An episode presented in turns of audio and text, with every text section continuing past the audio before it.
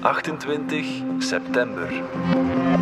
Dit is vandaag de dagelijkse podcast van de Standaard. Ik ben Alexander Lippenveld. Tienduizenden Russen ontvluchten het land sinds Poetin vorige week aankondigde dat hij 300.000 reservisten naar het Oekraïnse front zal sturen. Overal zijn er betogingen in de grote steden als Moskou en Sint-Petersburg, maar ook in de verre uithoeken van Siberië. Is dit het begin van een grotere protest- en verzetsbeweging? En zijn er nog Russen die de propaganda van Poetin geloven?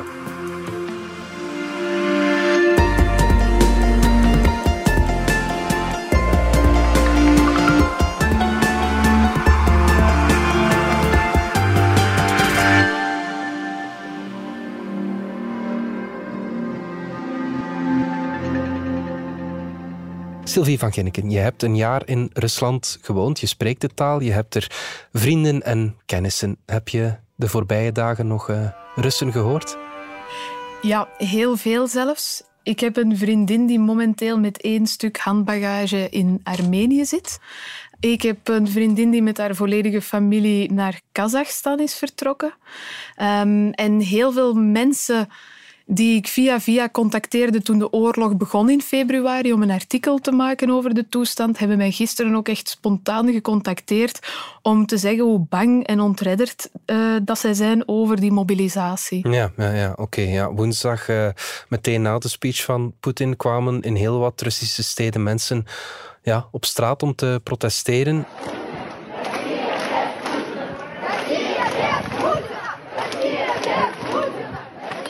Dat zijn tafereelen, Sylvie, die we in Rusland nog niet vaak gezien hebben. Mogen we zeggen dat de Russen zijn ontwaakt? Goh, tafereelen die we nog niet vaak gezien hebben. We hebben die in 2012 en 2013 gezien en mogelijk zelfs op nog grotere schaal. Toen de overheid morrelde aan de grondwetten en toen de pensioenen slonken. Okay. We hebben die eigenlijk ook in februari gezien. En nu zijn die protesten niet heel grootschalig eigenlijk. 1300 mensen opgepakt, dat lijkt heel veel. Ja.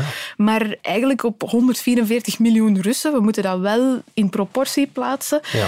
45 steden. Het is allemaal niet zo georganiseerd en zo grootschalig. Hmm. Hoewel er in Moskou en Sint-Petersburg natuurlijk ook geprotesteerd is, waren dat eerder mensen die van ontreddering buiten kwamen en uit angst, um, met bordjes geen mobilisatie, Ja. zelden geen oorlog, wat ook op zich um, bijzonder is. Ja, ja, ja. En die zijn dan heel snel en heel efficiënt opgepakt. Oké, ja. De politie was daar absoluut op voorbereid. Die stonden met busjes aan lege pleinen al klaar om gewoon mensen op te pakken voordat het een massa werd ja, dikwijls. ja, ja. En soms met harde hand. Hè. Ja, soms ook absoluut uh, met harde hand. Wie zijn de Russen die dan op straat komen? Dat zijn eigenlijk gewone burgers, Russen die gewoon in paniek waren omdat hun broer, hun vader, dat zij naar het front worden gestuurd, mogelijk als reservesoldaat. Mm -hmm. En dat was heel impulsief en ongeorganiseerd. Er waren wel telegramgroepen en facebookgroepen, Ja. maar mensen wilden eigenlijk gewoon hun emotie uiten. En denk je dat er nog meer protesten zullen komen en dat die onder ja, controle gehouden zullen worden, zoals dat uh, al gebeurt? Zoals ze nu georganiseerd zijn, namelijk niet georganiseerd, denk ik nog wel Mhm. um, dat er protesten zullen zijn. Maar of die iets... Ja, of die iets zullen opleveren, iets structureel, dat denk ik dus absoluut niet. Heel Mhm. veel Russen en vrienden en kennissen van mij zijn eigenlijk ook gewoon de afgelopen dagen gaan kijken naar de protesten. Ah ja. Omdat ze bang zijn om opgepakt te worden. Mhm. Of een praktijk die ook nu gebeurt, is dat ze zeer bang zijn om opgepakt te worden, geregistreerd te worden in het systeem en de dag daarna een oproepingsbrief te krijgen om te gaan vechten in Oekraïne. Oké, ja, dat is ook een, uh, een dreiging natuurlijk. Uh, ja, het Kremlin heeft effectief openlijk toegegeven dat ze dat doen en dat dat niet strafbaar is op dit moment. Je riskeert niet alleen naar het front gestuurd te worden, je riskeert ook fikse boetes omdat je de openbare orde verstoort. Het kan zo... Het kan zo onbenullig zijn als dat je, je staketseltje in de weg staat van een metrostation. Ja, het is, Ja. het is uh, omgerekend zo'n 2000 euro boete, Oh, bijvoorbeeld. ja. ja. En uh, je riskeert natuurlijk ook gewoon om opgepakt te worden, mishandeld te worden en 15 jaar cel te krijgen. En Zijn er mensen die, die, die de bevolking aanzetten om uh, ja, zich te roeren, zeg maar? Momenteel is de bekendste figuur die oproept Alexei Navalny ja. Uh, vanuit de gevangenis. Ja, de oppositie. Maar, uh, ja, ja, maar zelfs politicologen denken dat dat weinig zal veranderen. De Mhm. weinige politicologen die onafhankelijk zijn en die momenteel nog in Rusland zijn, want een groot deel van hen is gevlucht, hebben onlangs een podcast opgenomen met het onafhankelijk medium Medusa. Mhm. En daarin zeiden ze dat ze er eigenlijk helemaal niet meer in geloven. Zij waren zeer pessimistisch, omdat zij ervan uitgaan dat de kritische Russen, de vermogende Russen ook wel, die iets kunnen opzetten, die campagnemateriaal kunnen betalen, die protesten en boetes kunnen betalen, dat zij eigenlijk al gevlucht zijn. Dus dat het enige wat overblijft, ik citeer, eigenlijk de volgzame schapen en de stille leiders zouden zijn. Ja. Intussen worden uh, veel meer Russen getroffen door de economische sancties van het Westen dan door deze mobilisatie van die 300.000 mensen. Kan ik me voorstellen, kan dat nog tot meer sociale onrust leiden, denk je? Wij zien die economische sancties als iets wat meteen impact heeft. Wij zien de McDonald's sluiten, we zien Starbucks sluiten. Nu, Russen hebben daar ten eerste al alternatieven voor gevonden. Er zijn oligarchen en textielgiganten die die ketens overnemen en een alternatief verzinnen. Dat vinden stedelingen trouwens geweldig Ja. op dit moment. Um, en ten tweede is er eigenlijk ook wel echt een groot verschil tussen het platteland en de stedelingen op dit moment. In de steden zijn de frigo's nog vol. De Ja. lonen worden uitbetaald, de pensioenen worden uitbetaald. Mensen kunnen relatief normaal naar hun werk, tot dan de mobilisatie helaas van vorige week. Ja. Op het platteland waren de infrastructuren zoals wegen, ziekenhuizen, alles was al heel bedroevenswaardig. Dat gaat nu nog verder achteruit. En die mensen worden al wel getroffen door de inflatie. Hun frigo's zijn half leeg. Ja. En denk je dat daar niet ergens een, een, een kiem van revolutie ligt, zeg maar? Daar heeft Poetin natuurlijk een slimme kaart gespeeld door die gedeeltelijke mobilisatie af te roepen. Die Ja. wet die is eigenlijk zo vaag dat hij daardoor ook het principe van de oorlogseconomie in voegen kan brengen. Ah, ja. En dat betekent eigenlijk dat alle middelen meteen naar die oorlog toe gaan, naar logistiek, artillerie, en dat hij sommige dingen en projecten kan bevriezen, zoals ehm, onderwijshervormingen, eh, pensioenhervormingen. Hij kan dat allemaal on hold zetten. En daardoor zal hij ook nog meer kunnen inkopen uit het buitenland, bij landen waarbij Rusland niet gesanctioneerd is. Ja. En kan hij eigenlijk enkele maanden tot zelfs een half jaar uitstel kopen voor de stedelingen, totdat zij echt die sancties beginnen voelen in hun frigo. De voorbije dagen liepen er ook heel wat berichten binnen dat Russen massaal het land proberen te ontvluchten. Kloppen die berichten of mogen we niet echt spreken van zo'n eh, van zo'n exodus? Er is absoluut een exodus bezig. Ehm, die is al een tijdje bezig, zoals Finland meldde. Waren er het weekend voor Poetin afkondigde dat er gedeeltelijke mobilisatie was, al veel mensen die aan de Finse grens stonden. Ook eh, Kazachstan heeft al heel veel Russische vluchtelingen op dit moment. Maar mensen vluchten toch wel massaal hoor. Aan de grens in Georgië bijvoorbeeld sta je acht kilometer lang in de file met de auto momenteel. Oké, ja. En zijn Russische mannen gesignaleerd die met de scooter de file voorbij rijden. En Ja, zij mogen dan ja. meteen de grens over. Ja, Of met een stepje. We luisteren even naar een fragment van Raman Kuznetsov, die al twee uur met de auto aan de grens met Finland stond aan te schuiven op het moment van het interview toen Reuters hem sprak. I was wondering that it was pretty fast on the Russian border. I don't know, maybe half an hour, and uh, one and a half hour here, I think, I suppose, almost two. It's like a shock for everyone because uh, we, I don't know, just people don't believe till the last second that something like that can happen. Hard to say something about that because nobody understands anything right now. Het is ook niet gemakkelijk hè, om, om weg te raken vandaag. Een vliegtuigticket, dat boek je niet zomaar. Hè? Nee, vliegtuigtickets zijn vijf tot twaalf keer duurder. Ja. Dus alleen vermogende Russen raken eigenlijk nog makkelijk het land uit. Russen die dat vermogen niet hebben, die zitten eigenlijk muurvast. En dat is wat we ook gezien hebben, dat het regime nu echt gewoon hardvochtig gebruikt. Ze gaan de regio Yakutië binnen, bijvoorbeeld. Dat is een regio met etnische minderheden in Siberië. Ja. Zeer, zeer arme regio.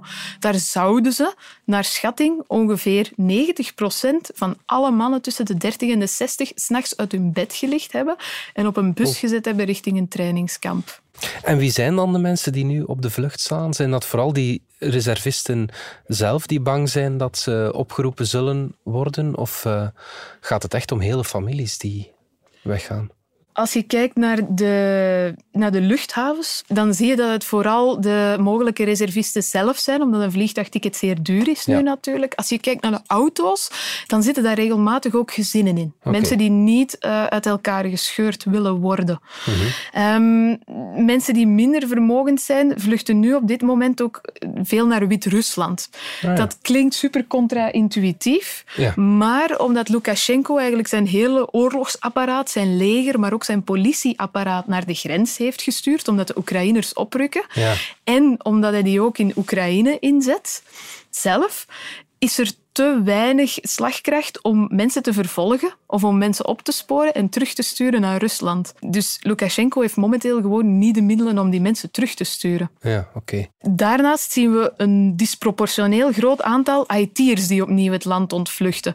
En dat is wel verontrustwekkend, omdat bij de start van de oorlog waren er ook al zeer veel IT'ers die onmiddellijk het land verlieten. En nu zien we dat opnieuw. Nu, Rusland is een land dat best wel sterk staat, eh, qua hacking helaas ook, hebben we mogen merken bij de. Amerikaanse presidentsverkiezingen, maar ook qua know-how en technische platformen bouwen.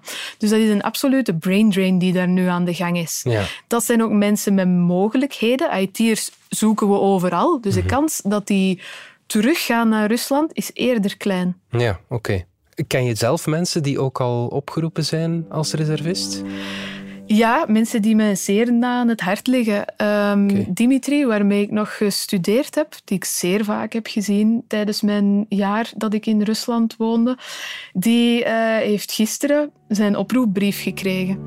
Omdat hij uiteindelijk is afgestudeerd als ingenieur werktuigkunde. Ja. En hij vond niet meteen werk en is een half jaar in het leger gaan helpen. Eigenlijk puur logistiek en, en, en, en, en theoretisch zelfs. Geen militaire functie. Nee, hij heeft nog nooit een wapen in zijn handen gehad zelfs. Hij heeft nog nooit in een tank gezeten.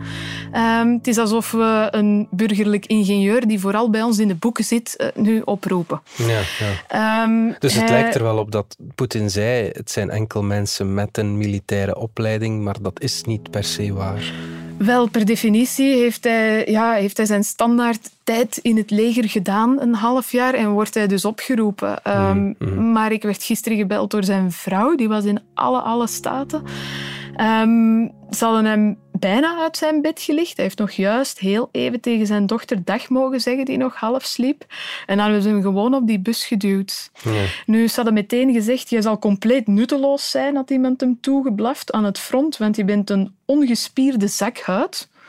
Dus wat dat we gaan doen, is jou op het trainingskamp inzetten en eh, je mag daar ja, de tanks en al het materiaal in orde maken, technisch gezien, Ja, zodat andere soldaten naar het front kunnen vertrekken. ja, En als er kapotte logistiek binnenkomt, zal je die moeten repareren. ja.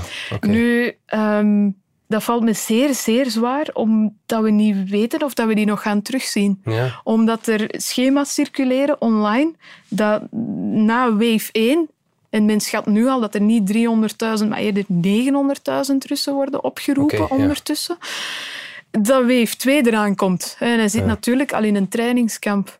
mhm. En kan hij op een manier nog contact hebben met zijn familie? Nee, hij heeft zijn gsm gewoon in een jute zak moeten droppen. Ja. Tussen alle andere honderden gsm's. Ja, oké. Het is niet alleen mensen die opgeroepen worden. Hè. Ik heb een vriendin die dus met één stuk handbagage in Armenië is geland zonder haar familie. Die was echt bang. Die zei, ik, ik, heb een, ik heb een doctoraat in de chemie. Ja, En dat is dus gemaakt, haar doctoraat. Dat is eigenlijk ongelooflijk. Het is fantastisch. Haar doctoraat gaat helemaal over hoe we de droogte kunnen bestrijden. maar ze zei, ja, er zitten dezelfde bestanddelen in en chemicaliën waar je eigenlijk ook best bommen mee zou kunnen maken. ja, ja. Ze zei dus, ik, ik, ik vlucht gewoon. Ja, ja, ja. En ehm, dan heb ik een vriendin, ook zeer aandoenlijk, een kunstdocente. Mhm. Zij is heel bewust gebleven na het uitbreken van de oorlog. Omdat ze zei, ik geloof dat ik mijn studenten moet bijbrengen wat er nu gebeurt op dit moment. Maar zij werd al langer gevraagd om haar lesprogramma aan te passen. Namelijk om alleen nog maar vaderlandse werken uit de Sovjet-tijd te tonen. Vooral schilderkunst. En ze zei, ja, dit is zo ironisch en zo belachelijk. Ik ga dat niet doen. Ze is opgepakt. We hebben daar al een paar dagen niks meer van gehoord. Hm, ja. Dus eh, ja, alles lijkt daar uit elkaar te vallen. En heb je nog contact met mensen die eh, in Rusland blijven?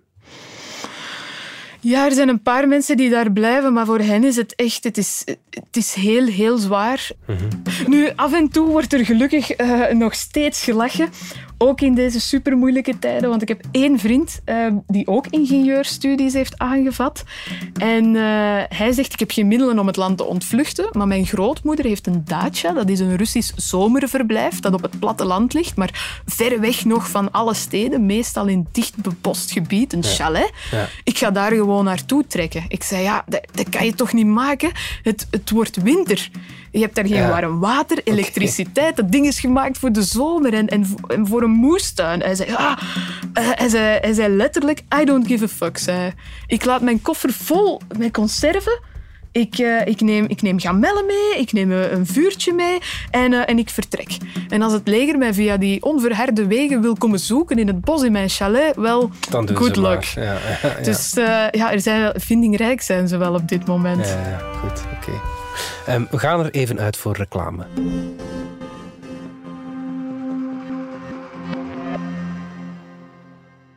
Wil jij je passie omzetten in Lego-stenen? En wil je iets verwezenlijken? Met je eigen handen. Het plan uitvoeren, blad na blad, stap voor stap. Super gefocust. Je bent in het moment. En je ziet het voor je ogen groeien. Lego bouwplezier. Dat is toch het schoonste wat er is? Wil jij ook je passie omzetten in Lego-plezier? Zoek dan snel op Lego-sets voor volwassenen.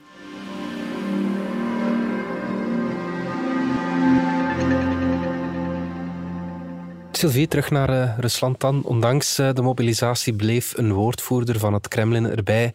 Dit is geen oorlog, maar het is een speciale militaire operatie, zoals het al maanden wordt eh, verkocht. Zijn er eigenlijk nog Russen die dat geloven? Goh, dat is eigenlijk heel bijzonder dat die woordvoerder dat nog gezegd heeft hoor. Want alle Russen, zelfs de meest stokoude Rus met geen smartphone en een hele diehard Poetin-believer, heeft hem wel horen zeggen vorige week dat er, dat er niet alleen oorlog is, maar het is gewoon een wereldoorlog volgens ja, want het. Westen valt ons aan. Ja, zei het is ja. nu. We zijn eigenlijk helaas begonnen met, de, de- met, een, met een kleinschalige operatie, maar nu het is een oorlog tegen het collectieve Westen. Dus niemand gelooft dat er, dat er geen oorlog meer is. Maar de propaganda is wel heel, heel sterk verschoven. Poetin heeft bijvoorbeeld op Vrouwendag, wat toch echt een belangrijke dag is voor de Russen, letterlijk nog gezegd, dat was 8 maart, eh, wij sturen geen reservisten.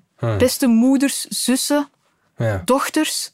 Wij sturen alleen specifiek geschoold personeel naar het front. Ja. En nu keert hij dat gewoon helemaal om. Ja, een half jaar later. Dan heb je toch het gevoel als Rus, ja, we zijn aan het verliezen. eh, hij, hij ligt ons gewoon voor.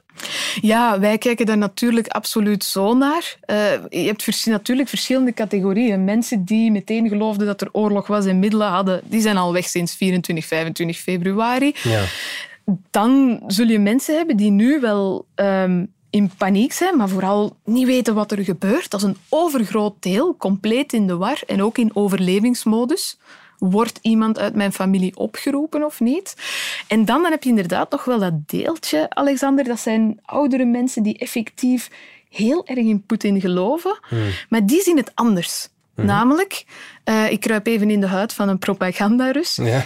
De, ja, de Oekraïners, dat is natuurlijk dat naziregime. Ja. En dat, is- dat kunnen we niet toestaan. Dat zijn mensen met onze bloedband. We moeten dat daar echt gaan veroveren. We moeten die, moeten die gaan bevrijden. Ja. Maar zo is het begonnen. Maar helaas heeft dat demonische Westen zich daarmee gemoeid. En nu is het plots Rusland tegen de wereld.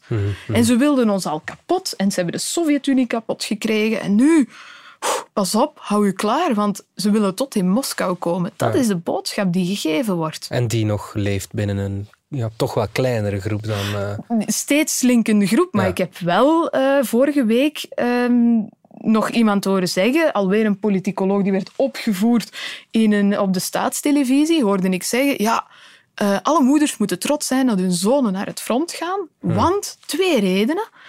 Eén, ze kunnen bewijzen dat ze echte mannen zijn is wel heel belangrijk, want ja, we zijn toch allemaal een beetje macho, zei letterlijk. Ze gaan allemaal, uh, als ze terugkomen, krijgt heel de familie een grote uitkering en dan gaan jullie leven ja, als God in Frankrijk, maar dan ja, als God in een dacia in dit geval. Frankrijk is niet meer bereikbaar. Nee.